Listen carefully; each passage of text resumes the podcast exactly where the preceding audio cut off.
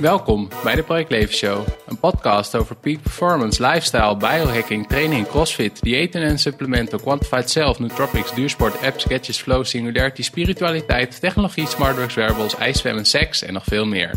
Mijn naam is Peter Joosten. Voordat we starten, wil je meer weten over de Project Show? Ga dan naar www.projectleven.nl slash podcast.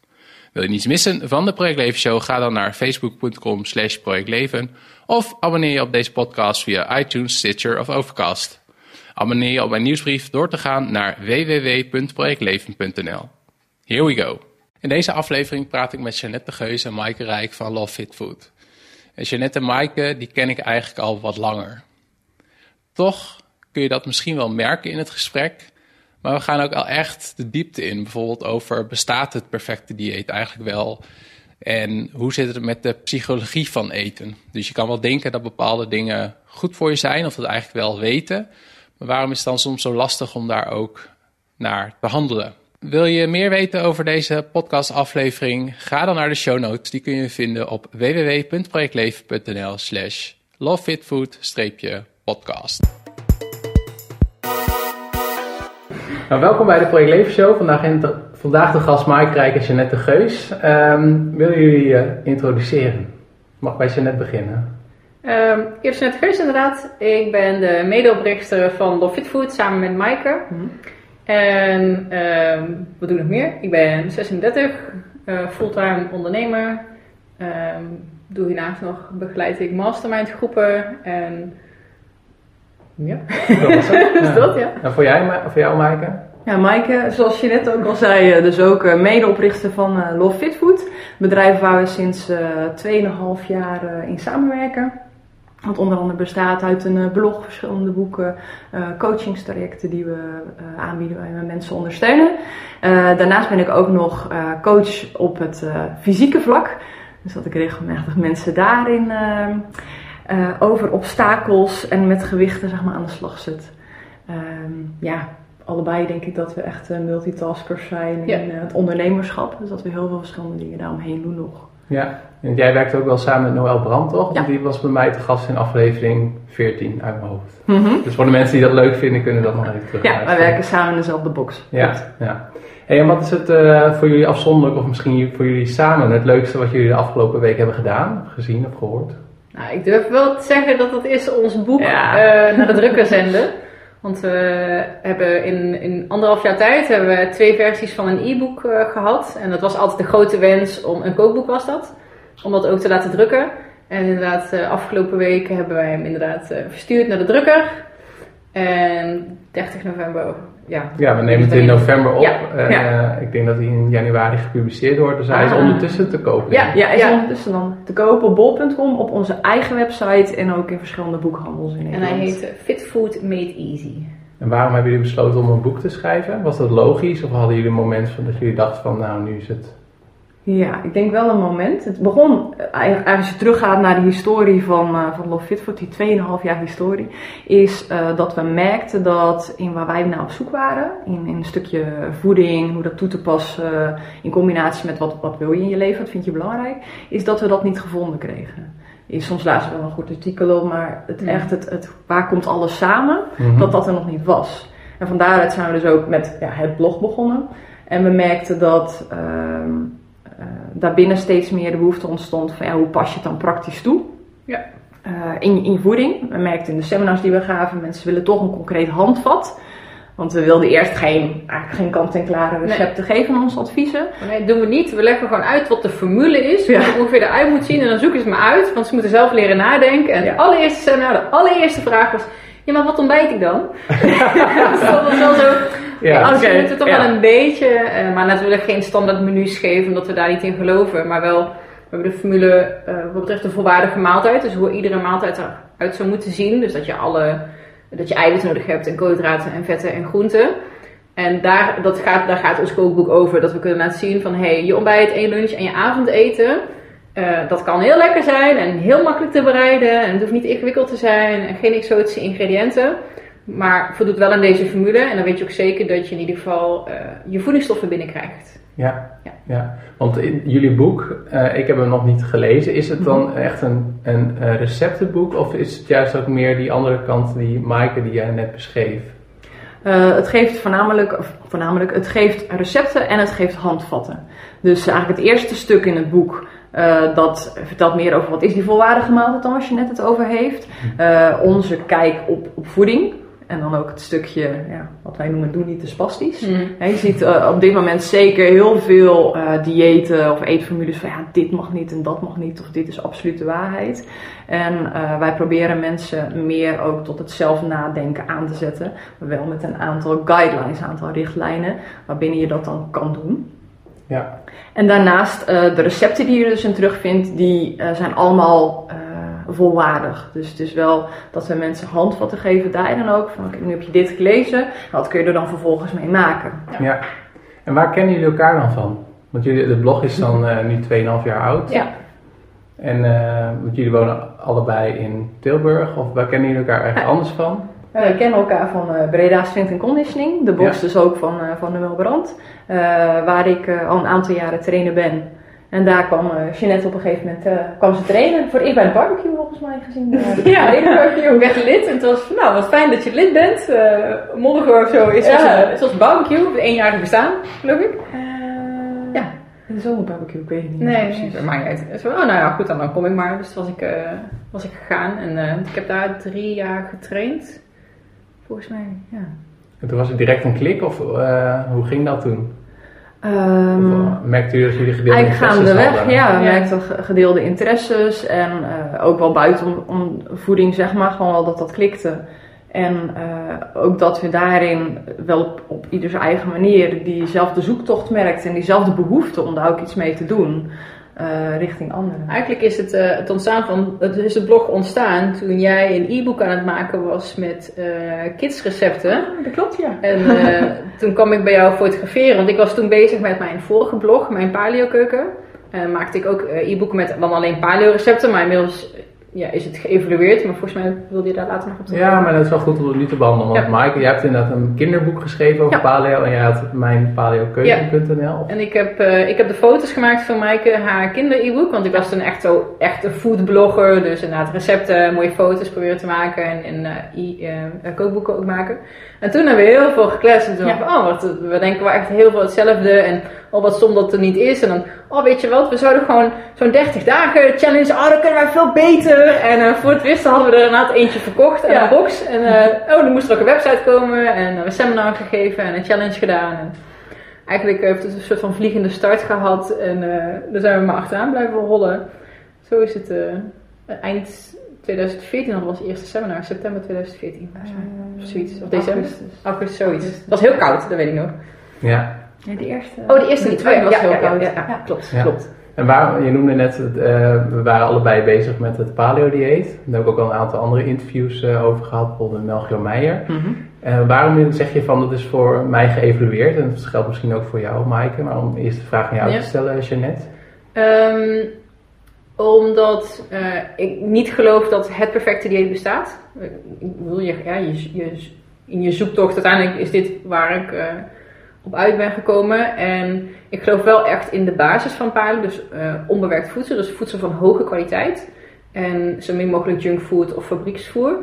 Dus je wil je lichaam zoveel mogelijk voeden en niet zozeer vullen met, met junk.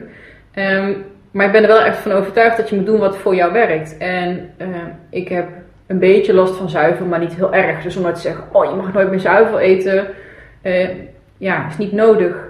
En ik denk wel dat voor sommige mensen in sommige perioden van hun leven kan paleo super help, eh, behulpzaam zijn.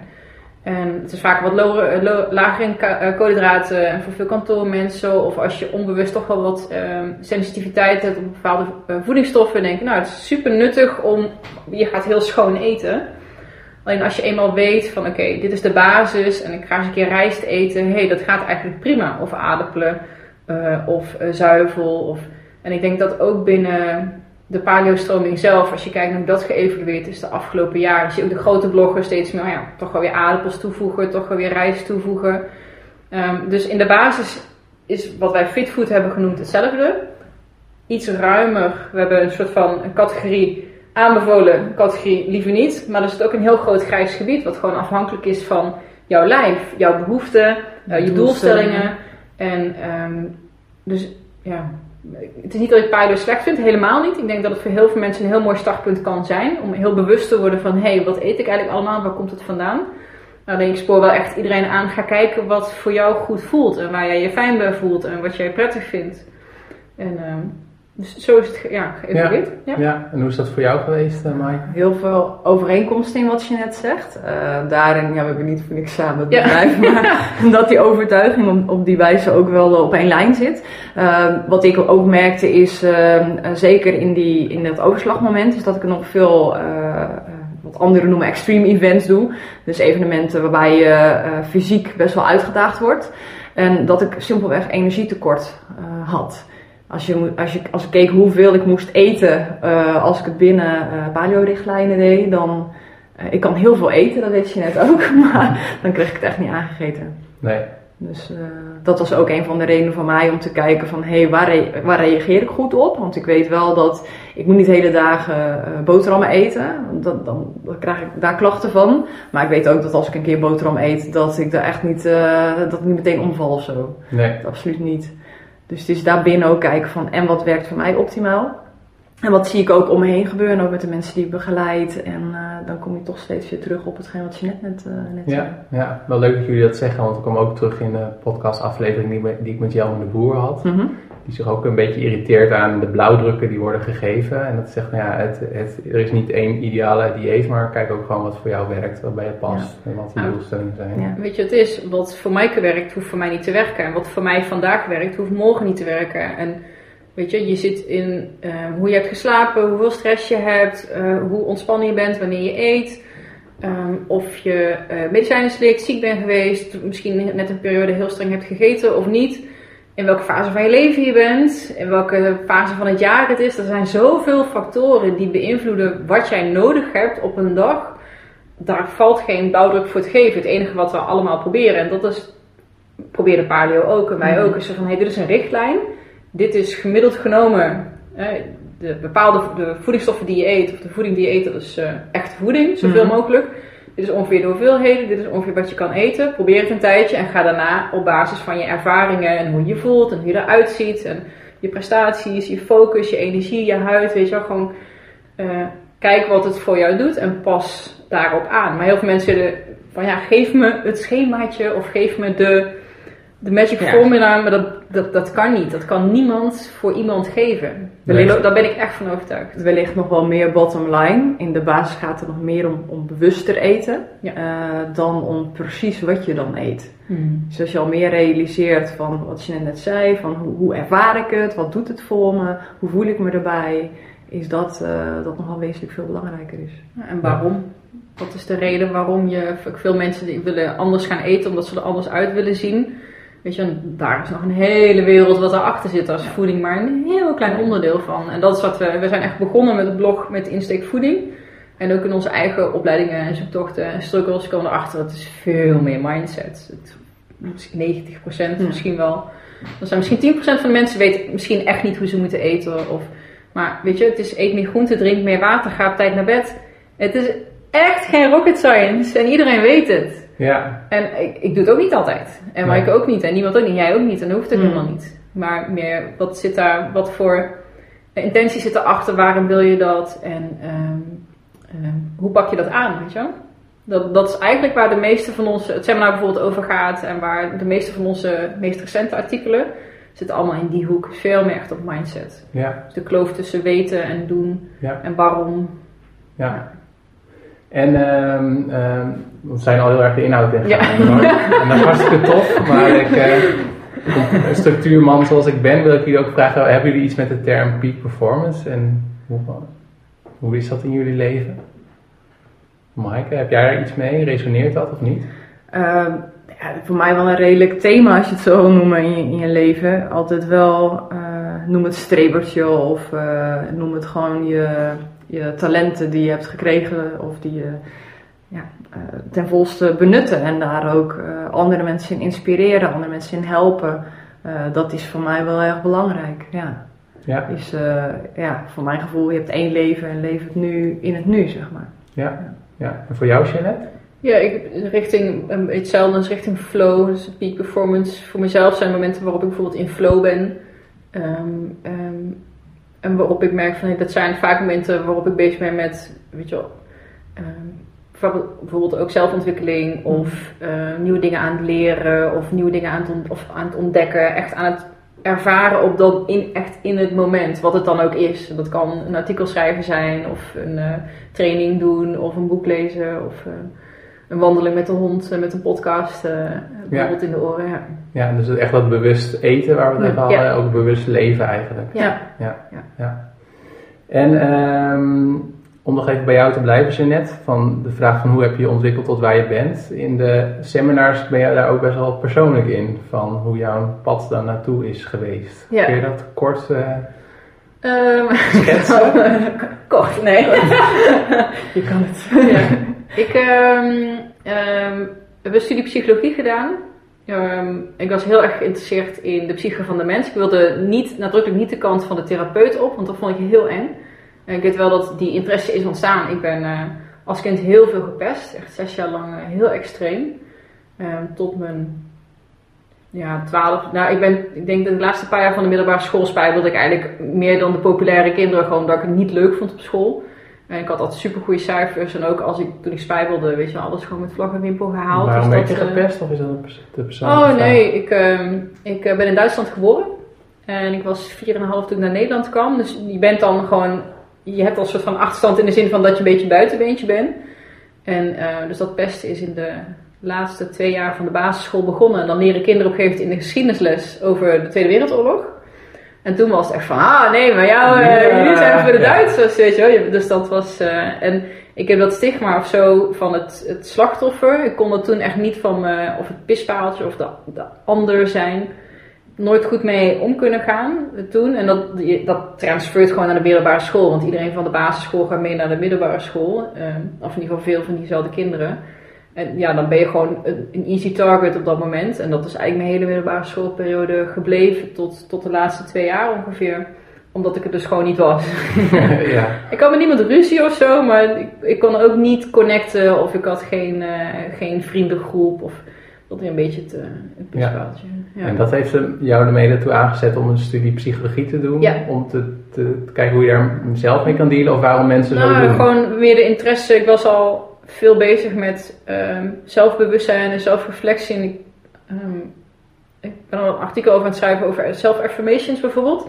En ik weet nog dat ik dan bijvoorbeeld als, als, ik weet niet hoe oud ik was, maar dat ik dan ging slapen, dat ik mezelf echt zo inprent. Als ik morgen wakker word, ben ik blij en energiek en ben ik uitslapen. En ik had dan zo'n heel riedeltje van positieve dingen. En dat ging, echt, stond echt op repeat. Zo van als ik morgen wakker word, dat ik dan ergens opgevangen of zo dat dat werkte. Dus ik was al best wel veel bezig met bewustzijn en met, met ik wist toen niet dat het bewustzijn was, maar wel bezig met dat soort dingetjes. Wel altijd een interesse in, oh, hoe zit dat dan en hoe werkt dat dan? En ik vond psychologie gewoon heel interessant.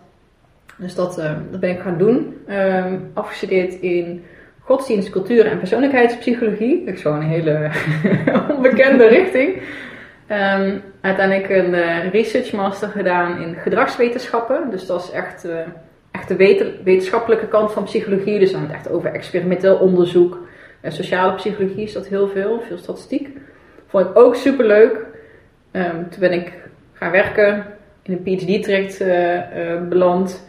En toen was ik al ergens in die jaren ook de relatie gaan leggen van... Ik had altijd spastische, spastische dikke darm, altijd een beetje semi-down vaak. Van, ik weet niet waardoor het kwam, geeft de link tussen voeding en uh, hoe je voelt, uh, kwam naar boven. En ook in eerste instantie met het effect op je darmen. Dus dat was paleo, dus daar ben ik mee begonnen. En dat werkte eigenlijk zo goed en dat heeft de interesse verder uh, ontwikkeld. En dan ga je opleidingen volgen.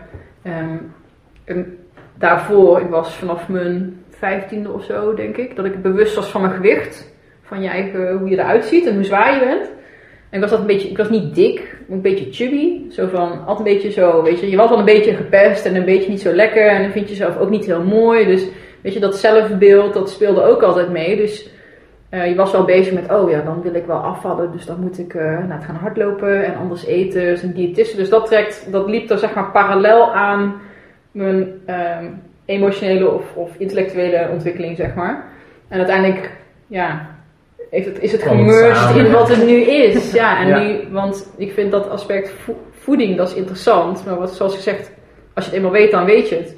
Dan zit er nog zo'n veld achter in de psychologische aspecten daarvan. Ehm, dat is trouwens een opleiding die ik nu aan het doen ben, de Psychology of Eating. Dat is een Amerikaanse opleiding die ik volg. Ehm, wat alleen maar daarover gaat. Dat is super, super interessant. Wat is de laatste eye-opener die je had? Of... Oh, dat waren er heel veel. um, jeetje. Ik kan, ik, ik kan hem ook even parkeren. Ja. Dan beginnen we bij uh, Maaike. Wat is jouw uh, ontwikkelpad geweest tot waar je nu bent? Uh, ja, mijn pad is anders dan het van, van Jeanette. Hoewel ik een aantal dingen wel herken. Ook op school ben ik ook nooit het populaire meisje geweest. Um, echt in een, opge, opgegroeid, maar wij woonden op het platteland en uh, dorpsschooltje. En uh, ik was daar niet zozeer altijd het, uh, het pispaaltje, maar um, ik voelde me ook nooit helemaal, helemaal thuis. Ik was ook met andere dingen bezig en ik had een beetje wel mijn eigen wereldje om me heen, veel buiten al, altijd al. Ik hing altijd al in een boom en uh, dat soort dingen. dat is een thema wat nu nog steeds terugkomt. uh, middelbare school gegaan. Uh, de grote droom uh, toen om naar de kunstacademie te gaan. ik was toen 17, wel talent, maar geen natuurtalent. En toen was het ja, dan vooropleiding. En dat voelde voor mij toen echt als een, als een afwijzing. Ehm, iets, ik wilde heel graag uit huis weg. had ook te maken met dat ik een zorgtaak had gehad thuis. Mijn moeder heeft ja, lang ziekte vanuit depressie gehad. Uh, zorg gehad daarover in mijn zusje. En ik had ook wel zoiets van ja, het wordt nu ook wel, wel een stukje ruimte en tijd voor mezelf. Dus nee, die vooropleiding ga ik niet doen, dan ga ik wat anders doen. Uh, dus ik dacht, nou, marketing, communicatie, dan heb ik dat creatief, dat heb ik kennelijk al. En laat ik dan als ik bekijk naar dingen vanuit verschillende hoeken en inzichten en ook een stukje psyche erin. Psychologie had ik ook naar gekeken, maar dat kwam allemaal heel dichtbij. Ze zeiden van ja, je moet het niet zien als fix van je eigen problemen. Dus ik ja, misschien is het dan op dit moment te veel fix van mijn eigen problemen. Lijkt me niet handig. Uh, en dan dat marketing, communicatie, dat leek wel de unieke blend of zo van alles. Um, daar de duaalstudie uiteindelijk gedaan, omdat ik ook bij voltijd merkte dat ik uh, ja, daar niet helemaal lekker in paste. En duaal betekende dat je ging werken en studeren. Uh, dus dat je na je propeduizen een half jaar ging werken, echt bij een bedrijf in dienst, en een half jaar studeren. Nou, dat liep wel goed. Daar een heel traject gedaan, uh, afgestudeerd. bij grote bedrijven als Rabobank Capgemini gewerkt. Uiteindelijk ook bij verschillende reclamebureaus. En een baan als marketingadviseur, marketingmanager gehad. En toen was ik uh, ja, tegen eind 20 toen dacht ik van, oh ja, maar eigenlijk vond ik het helemaal niet, ik was helemaal niet gelukkig. Ik merkte van, ik had uh, eigenlijk wat van mensen zeggen, een auto en een huis. En um, dat is iets wat als ik heel mijn leven of zo door moet. Van wie is nu zijn leven aan het leiden, zeg maar. Ik had echt het idee dat ik geleefd werd. Uh, ik zal niet zeggen burn-out, maar ik was wel alles behalve happy. En toen um, ja, meer of meer het, het roer om. Klinkt zo als een proces geweest van langere tijd hoor.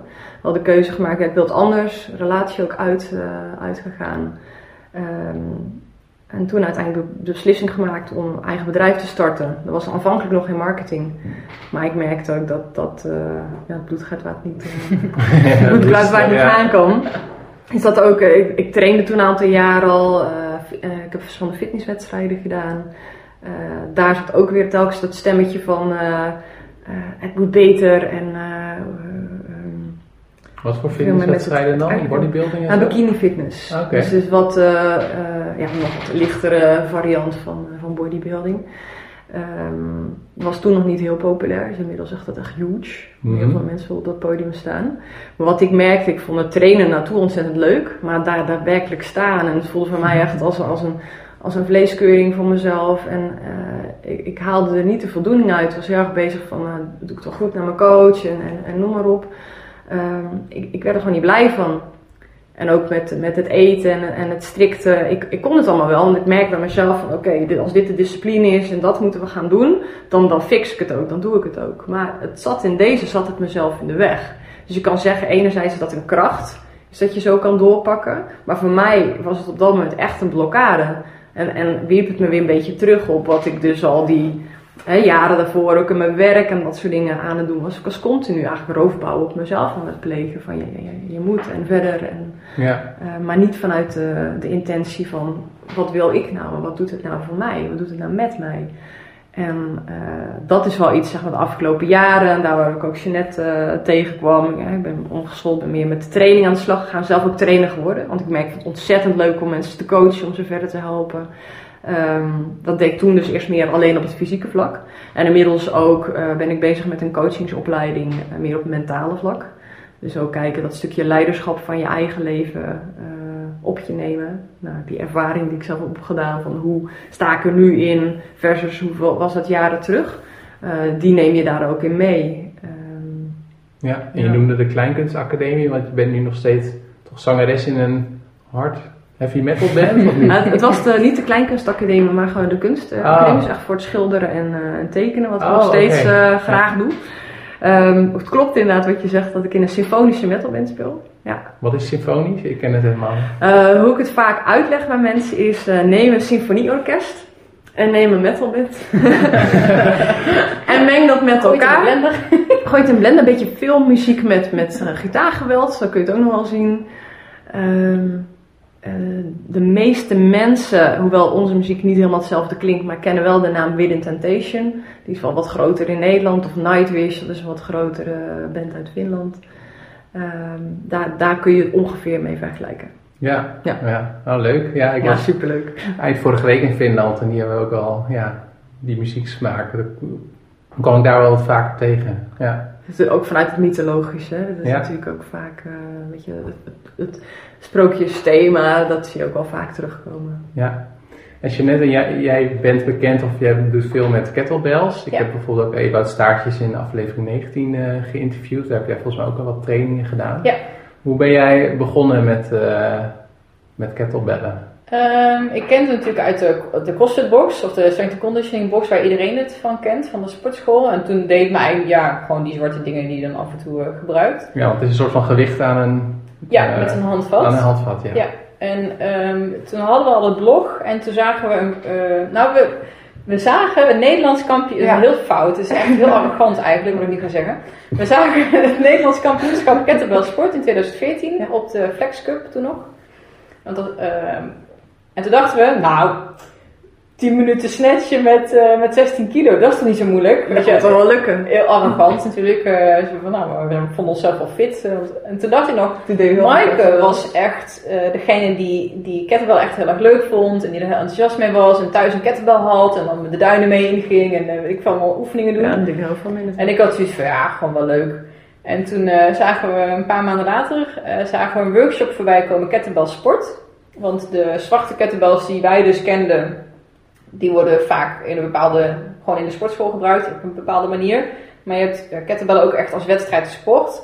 En dat zijn, die kettlebells zien er iets anders uit. Die zijn allemaal eh, even groot van vorm, allemaal dezelfde dikte handvat. Eh, en dat is echt een sport. En een sport is dan om 10 minuten lang zoveel mogelijk herhalingen te maken. Waarbij je, als je dan bijvoorbeeld maar één kettlebell hebt, mag je één keer van hand wisselen in die 10 minuten. En dan uiteraard niet neerzetten. Je kan het een beetje vergelijken met de Olympisch gewichthef, want die hebben ook die twee bewegingen. Dus de clean and jerk en de snatch. Dat doen wij ook. Alleen in plaats van dat wij zo zwaar mogelijk gaan in één keer, zoals bij de Olympisch gewichthef, proberen wij gewoon zoveel mogelijk eh, reps te maken. Maar goed, dus wij zagen een workshop voorbij komen van, oh, van die kettlebells die we op dat Nederlandse kampioenschap hadden gezien. Nou, dat is leuk, dat gaan we doen. Dan schrijf er een leuk blogje over. En we stonden daar. Eh, en ik weet nog dat ik meeging, gewoon, anders, dat anders was het niet gezellig voor Maaike, want het was twee uur in de auto naar Oldenzaal. En dan En gaan we het blog en dan kun je wat foto's maken. ja, precies. En het is Mike een ding. En niet, eigenlijk vond ik het niet zo heel leuk. En we stonden daar. En we vonden alles wel leuk. Maar ehm Mike, het duurde wat langer voordat jij door had hoe de techniek moest. Ja, Dus bij jou lang dat weer kracht alleen, maar ik was vol ja, hartstikke zoals het dan hoorde. Bom, bom, bom, en dan ik het er wel omhoog En eh, die Naomi, Naomi Kooiker, wat later mijn coach werd, die keek me aan en zei: Ja, je, je hebt wel talent, zegt ze. Het gaat bij jou wel echt heel goed. Ik zei: Oh, ik vond het ook echt heel erg leuk. En eh, vanaf dat moment ben ik verder gegaan met kettlebell sport. En had Maaike zoiets van: Nou, ik, ik hou het gewoon bij, eh, Dat in de training in toepassen. de training toepassen. En vanaf dat moment ben ik inderdaad door Naomi gecoacht. En ik heb, ja, je hebt ze hier, eh, je hebt ze gezien, mijn kettlebells. Ja, we nemen het bij jou eh, thuis op. Ja. We staan in de gang. Ja, dus ik heb eh, van elk gewicht tussen de 8 en de 24 heb ik er twee. Dus ik heb inmiddels een hele collectie. Dus ik eh, train nu twee, anderhalf, twee jaar. Daarmee. Bijna twee, in februari twee jaar. Dus als de tijd deze podcast uitkomt, bijna twee jaar. En eh, voor mij is het nu mijn training. En als ik extra train, dus als ik eh, krachttraining ga doen, dan staat het ten dienste van de kettlebellsport. Ik heb nu eh, vorig jaar met het wereldkampioenschap meegedaan. En dit jaar op het Europese kampioenschap zilver gehaald. En Nederlands kampioen ook al zilver gehaald. En de bedoeling is om volgend jaar in het Europese kampioenschap, dus dit jaar in het Europese kampioenschap, echt in de professionele klasse mee te doen. Dus je hebt, je hebt amateurs, professionals en masters. En ik heb in zowel de amateurs als de masters meegedaan en de masters zilver gehaald. En bij de professionals, ja, de gewicht van de kettlebell is 24 kilo voor dames om te snatchen. Dus dat is ja, echt heel erg zwaar. En Ja. de planning is omdat eh, ik ben nu aan het opbouwen daar naartoe. Dus ik heb mijn sporen nu verdiend in de amateur en de masterklasse. En nu door naar de, naar de professionals. Voor mij is het gewoon, ik vind het leuk. Het is super, super technisch. Mensen kijken aan, ja, hoe kan je dat nou leuk vinden? 10 minuten lang dezelfde beweging. Maar ik denk, ja, hoe kan een ballerina het leuk vinden om de plié te perfectioneren? Weet je wel, dat is hetzelfde. Dus het is gewoon, ehm, het, is, eh, het is rust, het is even ontspanning. Het is super conditioneel, het is heel krachtig. ehm, dus een, ja, mijn hele live training ermee. Het zijn korte workouts, we hebben het super druk. Dus ik vind het fijn dat ik vaak met een half uur klaar ben. Dus eh, ik vind het ideaal. En eh, ja, zoals je ziet kan ik het gewoon thuis doen in de tuin als het weer toestaat. ja, Ja, ja. dat is perfect. Ja. Een gaaf. En Maaike, jij houdt ervan om drie weken lang in Noorwegen in je eentje rond te rennen? Bijvoorbeeld, ja. ja. Of te wandelen. Maar... Of te wandelen? Ja, dat is een van de dingen die ik. eh, eh, ja, ik zei net al, als kind hang ik graag, hing ik al graag in, eh, in bomen. Ik ben heel graag buiten, merk ik. Ik vind het nog steeds jammer dat ik ben opgegroeid in Zeeland en niet in de achterhoek toen ik survival run leerde kennen. Ik denk, oh, als ik dit als kind had geweten, dat gewoon van die speeltuinen zijn waar je gewoon kan, kan, kan klimmen en waar er allerlei soorten ehm, hindernissen zijn. Eh, in Noorwegen eh, heb ik met een rugzak rondgetrokken, drie weken lang. Eh, In mijn eentje, toch? In mijn eentje, ja. Dus naartoe gevlogen en daar de trein gepakt tussen Oslo en Bergen. Dat is een van de mooiste treinreizen die er is, zeggen ze ook wel. En vooral ook het punt dat je dan eh, op het hoogste punt heen gaat. Je ziet heel de jaargetijden echt zo veranderen, weet je wel. Die reizen is echt super. En vanuit Bergen eigenlijk begonnen. En door middel van eh, een stukje liften, lopen.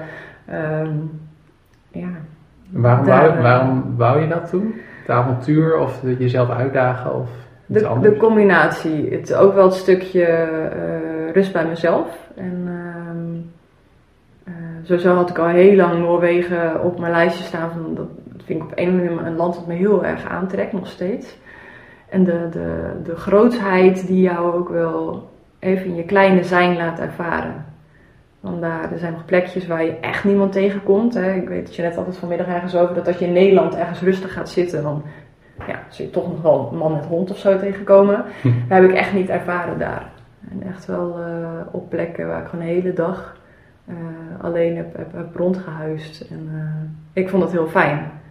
Heel veel mensen vragen mij dan van, ja, is dat dan hier eenzaam? Maar alleen zijn is voor mij iets anders dan, dan, dan eenzaam. Het geeft mij wel heel veel, ehm, ja, even de mogelijkheid om, om afstand te nemen van alles om me heen. En even die maakbare wereld te laten voor wat die is. En meer te kijken van, ehm, ja, wat is belangrijk voor mij. Ja. Dat hebben we ook echt overeen. Dat ze graag alleen reizen. Ja, Ja, wel grappig. Dat besef ik me nu pas. Ja, want, ja, want jij doet dat ook af Ja, en toe. Ook eh, een paar keer langere tijd naar Amerika geweest. eh, twee, een keer eh, twee maanden en ook een keer eh, drie weken. En dan, ik vind het zo, ik vind eigenlijk moet ik elk jaar een keer minimaal een week of zo in mijn eentje op pad. Gewoon om weer tot rust te komen. En op de een of andere manier kan dan alles pas goed landen en integreren. En wat Maaike zegt, dat je wat meer tot jezelf kan komen. En juist, kijk, alleen, soms ben je wel echt alleen alleen in een, in een eh, onherberg, in, een, in zo'n gebied waar dan niemand is. Maar ook al zou ik in een stad zijn, weet je, dan sluit ik er me er ook voor af. Maar gewoon dat tot rust komen, dat vind ik dat, dat is echt, eh, ik raad het iedereen aan die ik ken om ooit een keer in je leven echt alleen op reis te gaan. Gewoon, ga die confrontatie maar aan met jezelf. Ga maar eens even zitten met jezelf en, en ben maar even eenzaam dan desnoods, Ja. weet je wel. Dat is... En, eh, ik weet niet hoe jij het hebt ervaren, natuurlijk. eh, je voelt ook wel een stukje spanning. Tenminste, had ik wel. Excitement als je eh, toch uit dat vliegtuig stapt. Of eh, zo van, oké, oké, nou. ja. Ja. we zijn er. Ja.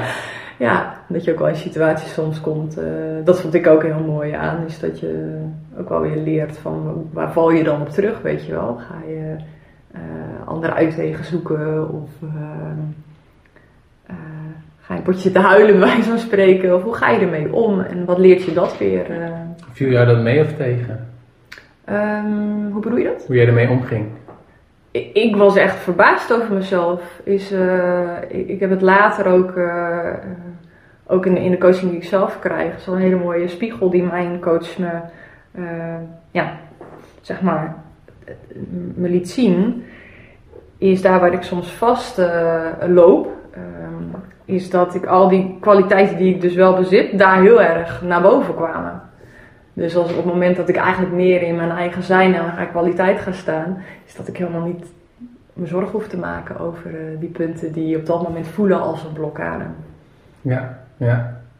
En voor jou, eh Jeannette, misschien nog even teruggrijpend op die eh, eye-openers. Oh ja, Is daar, ik had er mensen Eigenlijk niet vergeten. zo makkelijk kom je er niet vanaf bij mij. Want zit daar ook een link? Want eigenlijk is het wel een soort van, ook een soort van, vrij vertaald, soort eh, advies aan mensen van, nou, zoek ook, wees ook niet bang om, om even jezelf alleen op te zoeken. Hebben mensen ook dan, eh, want ik zag het boek staan hier, Mindless Eating, die heb ik ook gelezen. Ja. Dat heeft eigenlijk dat, eh, dat je niet bewust met eten bezig bent. Dan kun je ook zeggen van, nou, als je even alleen weggaat, word je ook bewust van jezelf. Is dat dan ook iets wat jij herkent? Eh, dat veel mensen dan niet bewust bezig zijn met hun voeding of met hun Ja. leven? Ehm, nou, ik zal zeggen, eh, niet meer wat de, de meest recente eye-opener was. Niet de meest recente, maar de, een soort van leuk feitje uit de opleiding is dat je, je mate van ontspannenheid beïnvloedt hoe, of je, hoe en of je je voeding opneemt die je aan het eten bent. Dat was zo. huh? Dus je, ehm, als jij gestrest aan het eten bent, werkt je spijsvertering eh, niet goed. En eh, wordt niet alleen niet goed opgenomen, nee sorry, niet goed verteerd, maar dus ook niet goed opgenomen. Eh, dat en er worden ook zelfs eh voedingsstoffen afgescheiden, actief, omdat het lichaam gewoon met hele andere dingen bezig is. En heel veel mensen hebben chronische stress, en al is het maar. ehm, stress is ehm, a real of or perceived eh, threat. Dus het is een, ehm, een echte bedreiging, dus een leeuw die je achterna rent, weet je, dat is stress. Maar ook het stemmetje in je hoofd, dat continu nee, nee, nee, nee, of whatever, dat is ook een bedreiging voor jezelf. En dat levert ook stress op. Dus als jij continu in een stressstaat bent, eh, neem je voedingsstoffen niet goed op. En we weten allemaal dat als je voedingsstof, als je lichaam tekorten heeft, blijft dat lichaam ook vragen. Weet je, je krijgt signaaltjes in je hersenen van, hé, hey, we komen nog eh, magnesium tekort, hé, we komen nog eiwit tekort, hé, we komen nog vezels tekort. Dus ja, ga maar eten. En heel veel mensen, weet je, dan krijg je honger, krijg je trek. Hmm. Ja, wat eet je dan? Als je voedingspatroon niet super goed is, dan stop je er ook niet iets in wat dan die signaaltjes laat ophouden, weet je ga wel? geen broccoli eten meestal op zo'n moment. Nee, Nee. dus dat, eh, dat was wel zo. En ehm, het schijnt zelfs 40 tot 70 procent eh, wordt het minder opgenomen als je echt gestrest bent. Dan dacht echt, wauw, dat is echt, eh, echt heel veel. Dus het grappige is dat wat van, ehm, weet je, als je naar culturen kijkt, dan, ik ben niet religieus, maar bijvoorbeeld bidden voor het eten. Weet je wel, dat, dat staat volgens mij ook in het boek, dat als je even, voordat je gaat eten, even een paar keer diep ademhaalt, dus eigenlijk zodat je zorgt dat je in een meer relaxtere eh, modus komt, dus dat je spijsvertering veel beter is en dat je voedingsstoffen veel beter worden opgenomen. Dat zijn van die kleine, weet je, en zo zit het er vol mee met dat soort leuke feitjes, dus deze moest ik even, moest ik even aan denken. Ja, oh, wat grappig. Ja, ik, eh, om, het, zal, het zal niet een of andere boekenclub worden, maar Nou, toch eh, denk ik. eh, ik, ben een boek uit, ik heb net een boek uit van Nicolas Taleb. Die, is anti, die heeft Anti-Fragile geschreven. Nou, het gaat ook oh, die, heb ik, die moet ik nog, die ligt hier nog, Ja, dat te, nog lezen staan. wel fascinerend. Maar waar het mij even bij haakt is dat hij ook zegt van een heleboel dingen zijn antifragiel. eh, die ook uit bijvoorbeeld religie en godsdienst komen. Ik ben zelf ook niet religieus, maar eh, bidden voor het eten, dat kan ook gewoon een religieuze eh, eh, doel hebben. Maar ja, er zit dus ook meer achter wat ook gewoon een nut Ja. heeft gehad, zeg Ja. maar. Dus dat is wel interessant. Ja. ja. En wat zijn de, uh, want jullie geven veel seminars, jullie hebben een online training, jullie hebben een boek, jullie spreken veel mensen, online, offline. Uh, ik denk dat er ook heel veel behoefte is aan uh, mensen die eigenlijk die 90% van, hè, die, die wel weten wat ze moeten eten, maar niet doen. En wat, wat zijn daar de belangrijkste redenen voor? Of is dat lastig om te zeggen? Dat er behoefte voor is, bedoel je? Dat mensen niet het doen. Oh. Inclusief ikzelf. nou, niemand doet het, want bij het denk ik, oh, het perfecte, dat, dat, is er niet. Je Nee. doet, weet je, en dat is eigenlijk al, al Ja. heel goed. Het, is, het zit er met name in het stukje bewust, het, het, bewust doen, zeg maar, en ook wel bewust worden van wat houdt je tegen in het behalen van hetgeen wat jij wil bereiken. Dan zie je enerzijds dat er natuurlijk mensen zijn die nog niet helemaal scherp hebben. Wat is dat dan en wat wat wil ik dan in mijn leven daadwerkelijk? En wellicht ook nog de rol voeding daarin. En als je dat dan wel duidelijk hebt, is het stuk van eh, wat blokkeert jou op dit moment? En zit die blokkade dan op, ehm, weet je niet wat je moet eten? Maar daarvan zien we dus vaak van, nou, dat, dat is uiteindelijk niet het, het punt. Want als je het dan geleerd hebt, ja, waarom hou je het dan niet vol?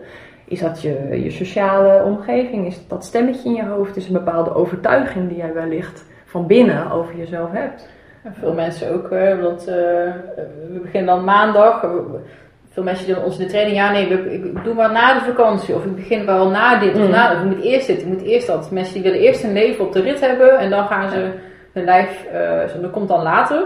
Of net andersom, die denken van, oh, als ik mijn lijf maar in submission sla, zeg maar. Dus ik ga het afbeulen met eh, Dan keihard trainen en eh rijst en broccoli en kip, helemaal afgebogen spastisch gedoe. Als mijn lijf eenmaal gefixt is, dan komt mijn leven, wordt, is dan ook gefixt. Maar eh, zo, dat is niet zo. Dat werkt niet. Als je nu niet tevreden kan zijn met wat je nu hebt, kan je ook niet eh, tevreden zijn met wat je wenst. Want je bent gewoon niet tevreden. Dat heeft niet te maken met hoe je lijf eruit ziet. Zie zie je dat, dat voorbeeld wat ik schetste, hè, van toen ik op zo'n podium stond van eh, fysiek, zeg maar, ja, helemaal rippelen, wat nu helemaal het plaatje is van, nou, je moet hebben, noem maar op. Alleen van binnen niet eh, gelukkig.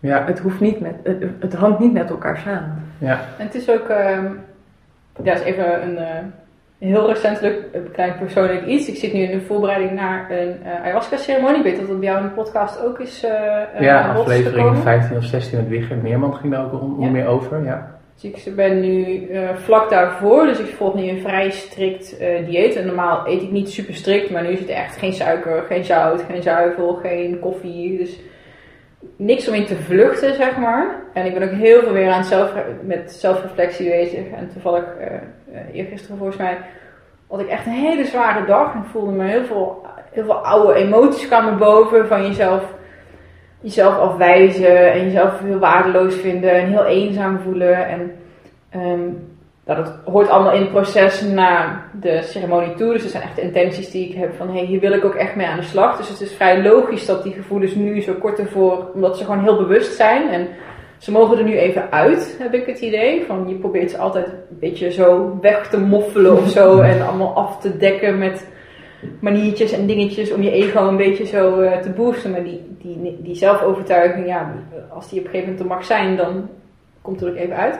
En toen merkte ik pas, omdat ik dus niet zo schoon eet, van ik kan niet vluchten. Het voelde echt alsof er een zenuw bloot lag. En toen zag ik pas van hé, hey, maar dit is wel echt wat de, greep is van oh, lekker pizzaatje of een ijs. Het is echt, ik, ik had het nog nooit zo helder en duidelijk gevoeld van dit is gewoon om toe te dekken dat je eigenlijk niet zo lekker in je vel zit. Maar maar mensen, ja, met een emotie eten. Ik vond mezelf nooit een emotie eten. Een emotie eten zie ik zo'n huilende vrouw op de bank, weet je wel.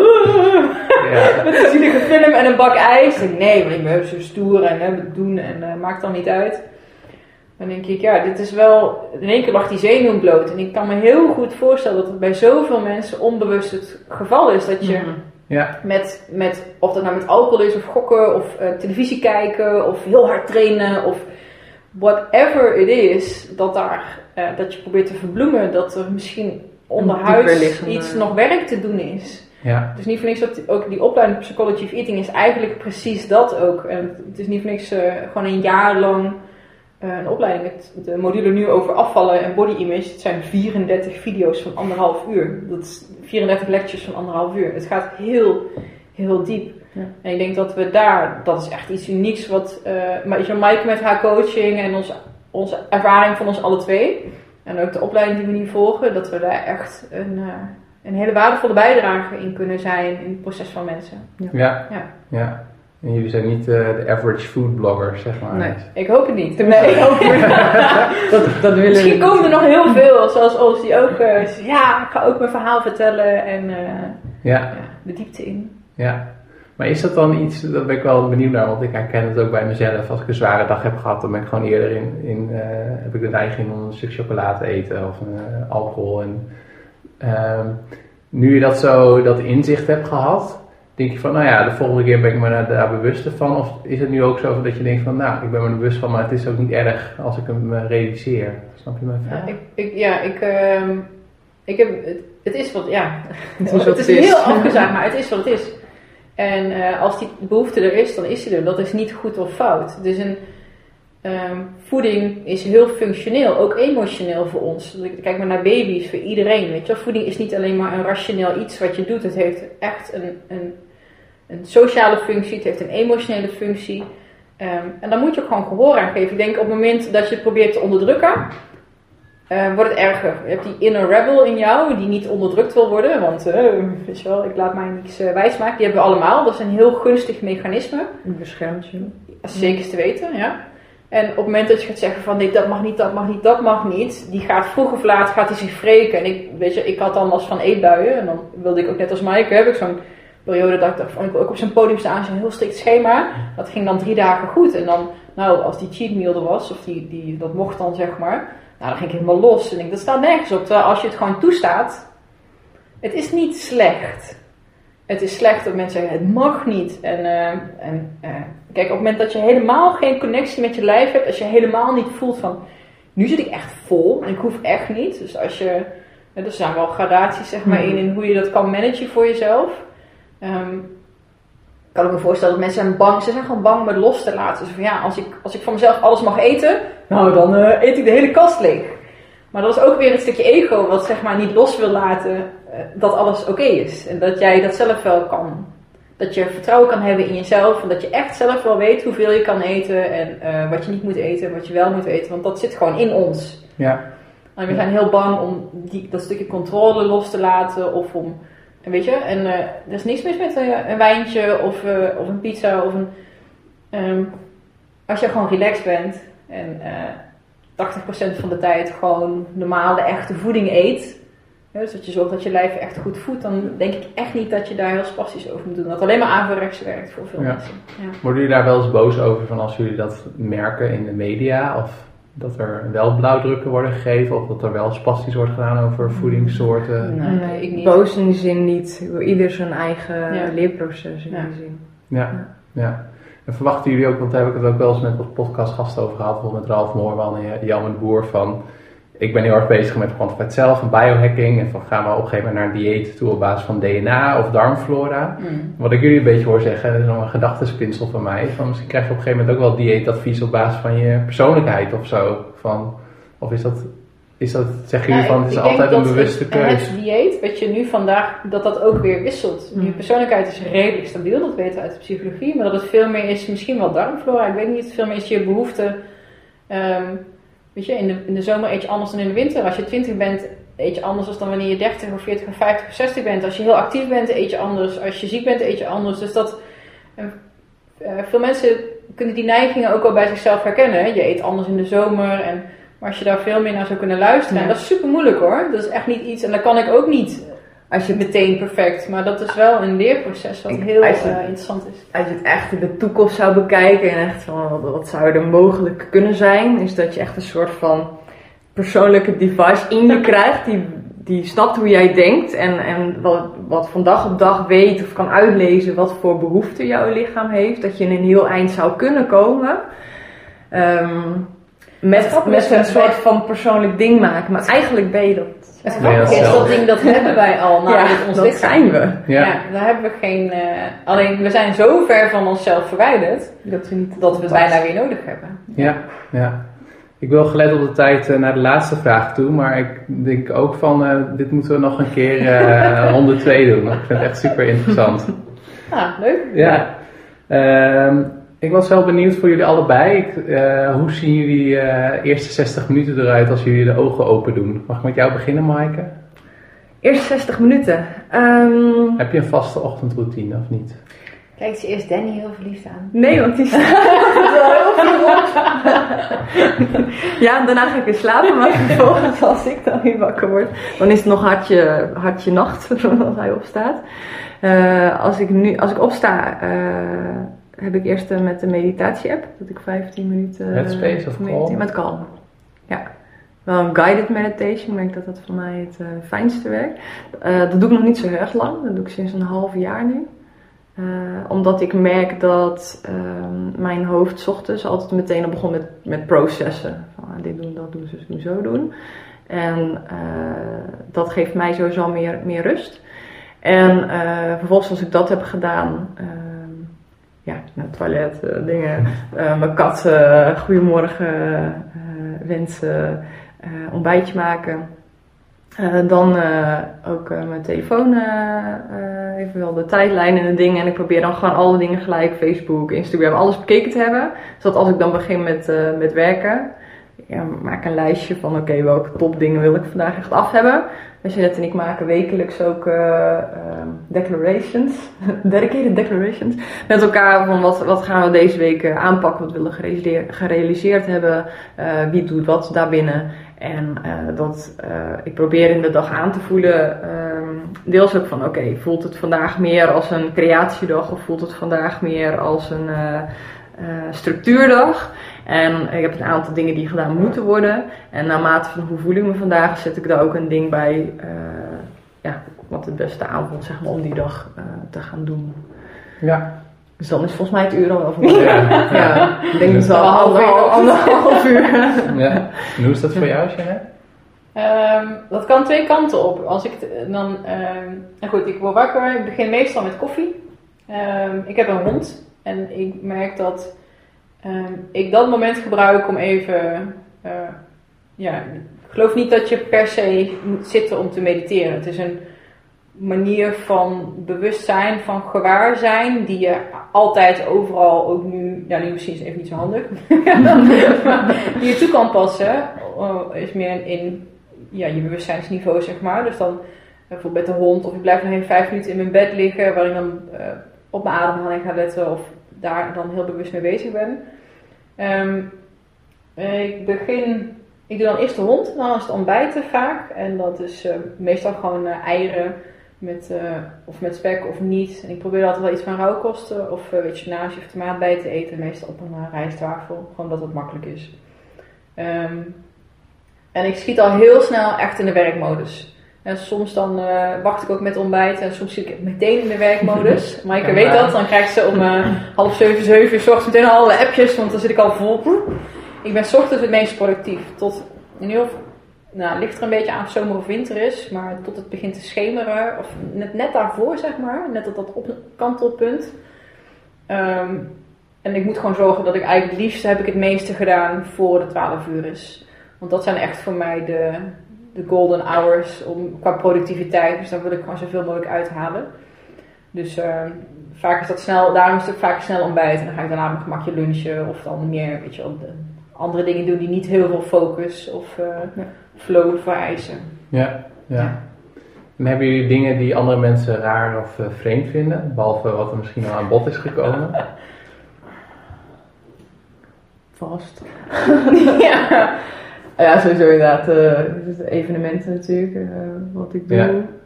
Um, maar ik weet, mijn bandleden die noemen mij de, de voedingsgoeroe, omdat zij echt een bepaald beeld hebben van, ah, Maaike die je drinkt helemaal nooit, die eet alleen maar broccoli bij wijze van spreken. Terwijl ze ook de, de, voorbeelden om zich heen zien, waarbij ze wel zien dat ik dan af en toe wel eens wat, wat, wat drink. Alleen uh, dat lijken ze te vergeten. ze zien graag die andere kant. Ja. Um, maar verder, nou niet dat ik het zo, uh, zo ervaar. Nee. En wat wil, je, wat wil jij worden, Jeanette, toen je vroeger klein was? Ik wilde altijd iets met paarden doen. Ik, uh, paardenmeisje. Paardenmeisje, ja. Dat was de Penny. En ik ging één keer in de week ging ik naar de manege. En dat was echt mijn droom om uh, zo'n hippisch instituut, oftewel manegehouder of ruiter of uh, iets met paarden. Ja. Ja. Ja. Voor jou, Maaike? ik weet, bij mij heeft het echt eh, eh, verschillende fasen doorlopen. Ik weet nog dat de buurman vroeger altijd zei van... wat wil je laten worden? Kapster of zo? en dan zat ik echt zo van, ja... Of eh, een periode professor in de geschiedenis. En op een gegeven moment was Apache helikopterpiloot. dat, eh, ja. Ja, ja. joh. Niet gelukt. Niet gelukt. Iets met eh, de sterkte van lenzen in ogen en zo. Ah. En toen eh, was dat sowieso al niet. En ook het wiskundige. Van, ik merkte al op een gegeven moment dat ik veel meer in de creatieve hoek. En eh, Ja. dat ik daarmee uitkwam dan de exacte hoek. Dus. Ja, ja. En hebben jullie een favoriet boek? En waarom is dat? Nog een keer bij jou beginnen, Jeanette. Ik wist dat deze vraag kwam, want ik dacht, oh oh. Wat moet ik Eh, kiezen? Ja, ik heb het Ik heb, ook omdat ik, ik lees veel, eh, nu zit ik weer vol in zo'n periode dat ik veel lees, maar als we over non-fictie, denk ik eh, IM van eh Connie Palme.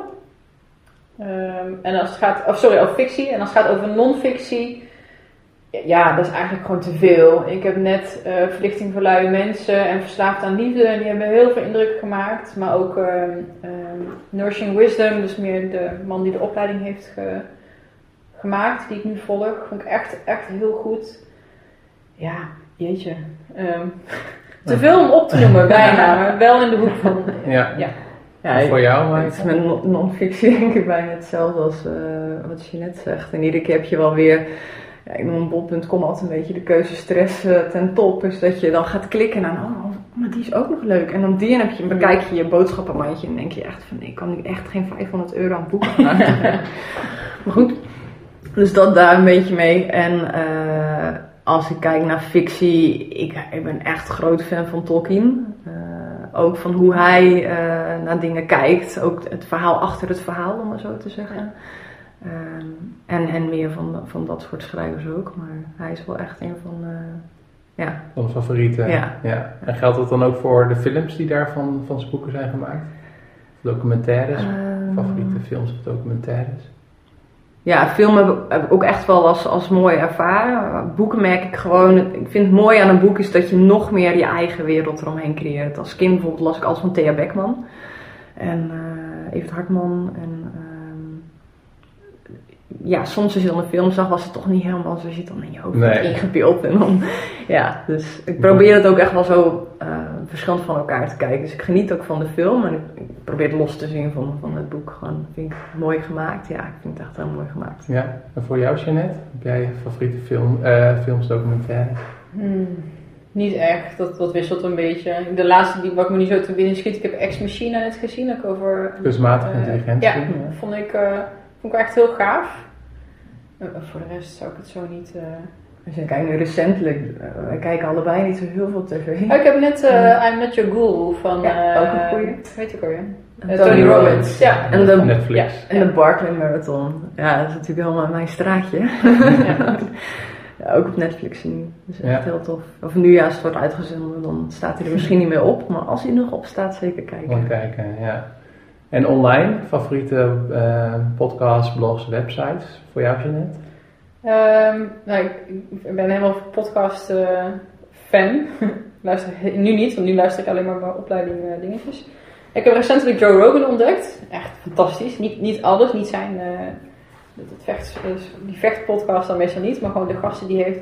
Ja, en uiteraard is groot fan van de Eindbazen podcast. Dus dat... eh, Ja, en voor jou, Maaike? Ehm, ja, ook een Tim Ferriss vind ik ook gewoon echt wel... eh, ook de manier, zowel zeg maar hoe hij het weet neer te zetten. eh, dus vanuit, vanuit het marketingopzicht. Als eh, wat hij inhoudelijk ook bijdraagt. Vind ik interessant. Ehm, ja, zoveel. Te Ja, veel mijn lijstje zit helemaal vol. Ik heb ook al een tijdje niet. Ik heb echt heel veel. eh, oh, Sean Croxton. Dat is trouwens me. Ben ik echt groot, groot, groot fan van. Hij had vroeger Underground Wellness. Toen ging het echt over voeding. En nu hij net. Zit hij meer op de zelfontwikkeling. En zijn, zijn stijl van interview is echt heel, heel tof. En eh, de, de, de auteurs die. Het zijn altijd boekauteurs die die interviewt. Bijna altijd. Ik heb alles iets van, oh, fantastisch, een boek moet lezen. Ja. Ik heb de, de Dorito effect. Dat is ook, eh, ook echt een eye-opener over de invloed van smaak. Op, eh, Ik heb het boek nog genoemd, eh, een interview met Ralf Noorman. Ah. Dus, eh, Ja, Hmm. die heb je ook gelezen. nee, ik heb hem niet gelezen, Oh, alleen De- dat ik het van jou ja, gehoord. Ja, ja, ja. Eh, dus de Sean Croxton, eh, ja, grote, grote inspiratie. Als je ook kijkt naar, eh, ja, dus hij leeft inmiddels niet meer, maar Alan Watts bijvoorbeeld. Je dat, eh, daar bekend mee bent. Mhm. Ja, en ik zou ook linkjes opnemen bij, het, eh, bij de show notes in ieder Mhm. geval. Ja. En eh, jullie hadden al één concrete tip gegeven van eh, ga af en toe alleen op reis. Zijn er nog andere dingen die jullie de luisteraars eh, van de Project Leven Show willen meegeven? Doe niet te spastisch.